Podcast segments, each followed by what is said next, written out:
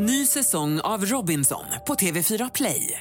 Hetta, storm, hunger. Det har hela tiden varit en kamp. Nu är det blod och tårar. Fan händer just nu. Det. är Detta är inte okej. Robinson 2024, nu fucking kör vi! Streama söndag på TV4 Play. Du lyssnar på en podcast från Expressen. Fler poddar hittar du på expressen.se podcast och på iTunes. Det här är Expressen Dokument. Varje dag med mig Johan Bengtsson som idag läser Ida Thunbergs text om en oviss framtid för dansbandskulturen. Sommar är högtid för dans på logen och i folkparker. Över en miljon svenskar ute och dansar minst en gång i månaden. Att dansen har ett stadigt grepp om den svenska folksjälen är tydligt. Men frågan är åt vilket håll trenden egentligen går.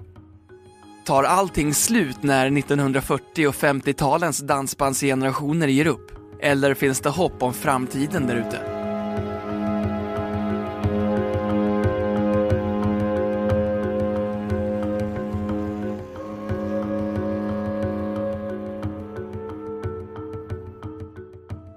Det är vecka 30 2013. Det dansas för fullt i folkparker och på logar. Överst på svenska albumlistan ligger för femte veckan i rad Lasse Stefans med Trouble Boys.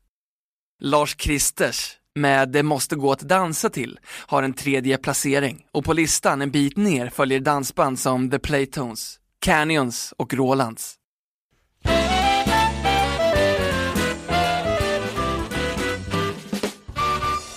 Som institutet vid Göteborgs universitet har i en ny rapport undersökt svenskarnas kulturvanor. 39% uppger att de någon gång under 2012 har varit ute och dansat. 5% dansar minst en gång i veckan och 11% dansar någon gång i månaden. Vilket betyder att en miljon svenskar dansar regelbundet och att över 3 miljoner svenskar har dansat det senaste året. Framförallt är det dansband som den vuxna befolkningen väljer att dansa till. I en SIFO-undersökning för några år sedan uppgav runt 1,6 miljoner människor att de intresserar sig för dansbandsmusik och dansbandskulturen.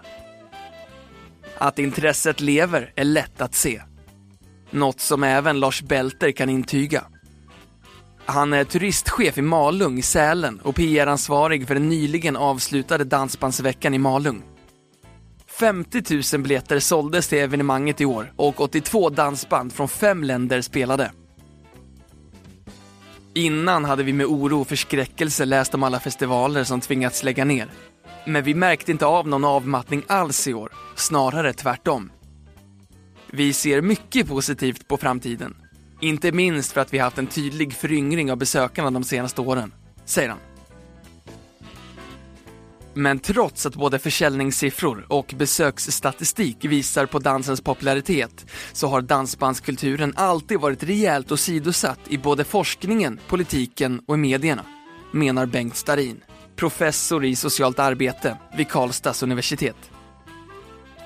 Tillsammans med Lena Steffner Starin har han i år givit ut boken Sverige dansar under somrarna 2011 och 2012 besökte de ett tiotal dansevenemang, intervjuade dansare, arrangörer och andra om dansens betydelse. Vår hypotes är att dansen fyller en rad viktiga funktioner, inte minst för hälsan och välbefinnandet. Dansen är även social och dansarna fostras i hederskodex och hänsyn till andra människor. Dansen för ihop människor och bygger småsamhällen, säger de. Ändå lever fördomarna och en viss förlöjligande attityd mot dansen, menar Bengt Starin. Och den måste bort för att återväxten ska kunna ta fart. Men jag är försiktigt hoppfull. Jag tycker att det är mycket bättre idag än för fem år sedan. Det är en hel del yngre ute på dansbanorna och allt fler inser att dansen ger ett större livsvärde. Men den kände dansbandsprofilen Thomas Deutgen programledare för P4 Dans och producent för Guldklavengalan, har en dystrare framtidstro. Och han tycker att branschen får skylla sig själva för att den hamnar i skymundan. Dansbandsbranschen är väldigt bra på att tycka synd om sig själva. Man klagar på Sveriges Radio, på TV, tidningar och på Svensktoppen. Men det är väl inte så konstigt att ingen rapporterar om det enda som finns att skriva om är att ännu en ny skiva med flinande tjocka farbröder i rosa kostymer som ger tummen upp och sjunger covers. Jag tycker att det finns en oförmåga hos både artister och arrangörer att hitta det unika som sticker ut idag, säger han.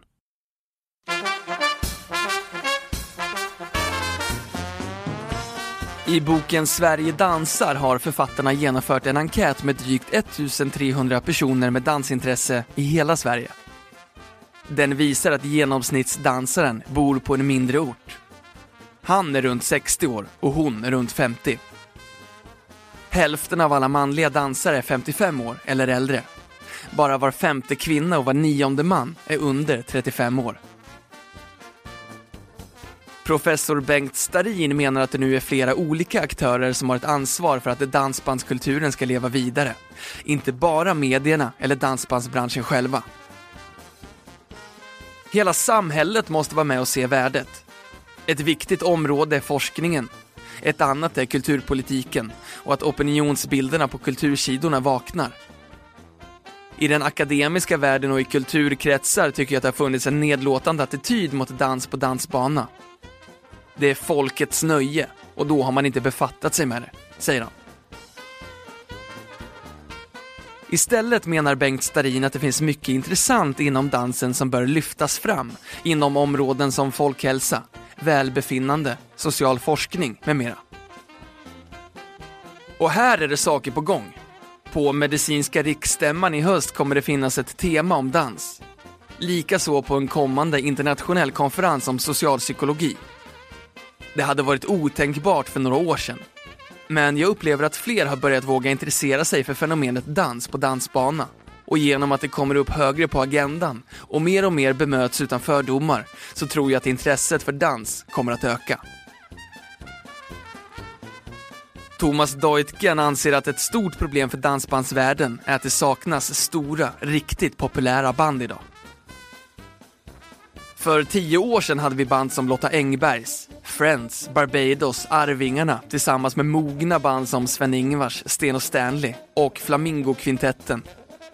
Men idag är det i princip bara Lasse Stefan som ensamt kan dra riktigt mycket folk. Det kan inte alla de här nya moderna banden som kör covers till Lady Gaga och Beyoncé. De kanske kan dra 200 till 300 personer en kväll på sin höjd, men det räcker inte i längden. Och om inte arrangörerna kan tjäna pengar så blir det ju inga arrangemang. Dans är ingen välgörenhet. Någon måste ju tjäna pengar för att det ska fortsätta, säger han.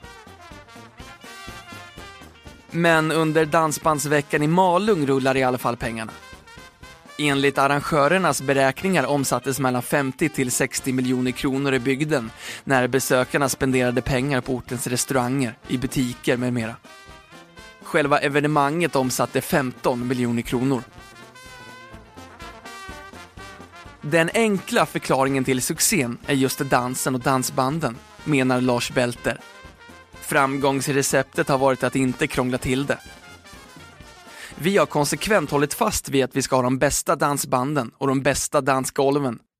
Inte en massa annat, bara musik att dansa till, säger han.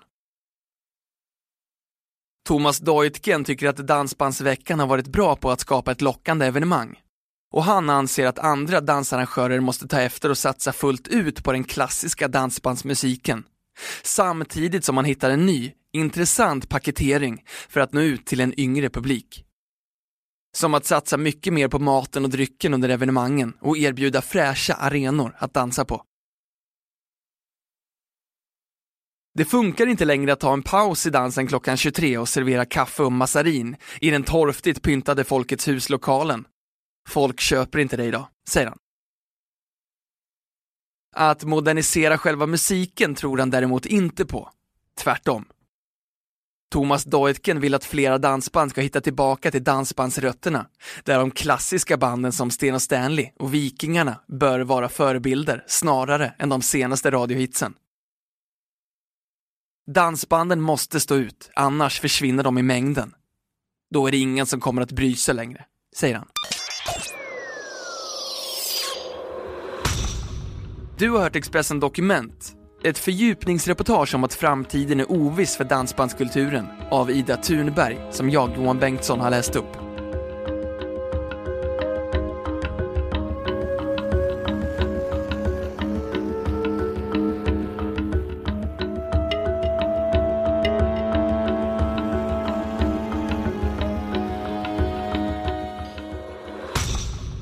Du har lyssnat på en podcast från Expressen. Ansvarig utgivare är Thomas Mattsson. Fler poddar finns på Expressen.se och på iTunes.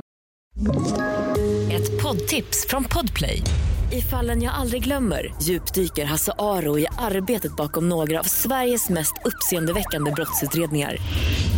Går vi in med hemlig telefonavlyssning och, och då upplever vi att vi får en total förändring av hans beteende. Vad är det som händer nu? Vem är det som läcker?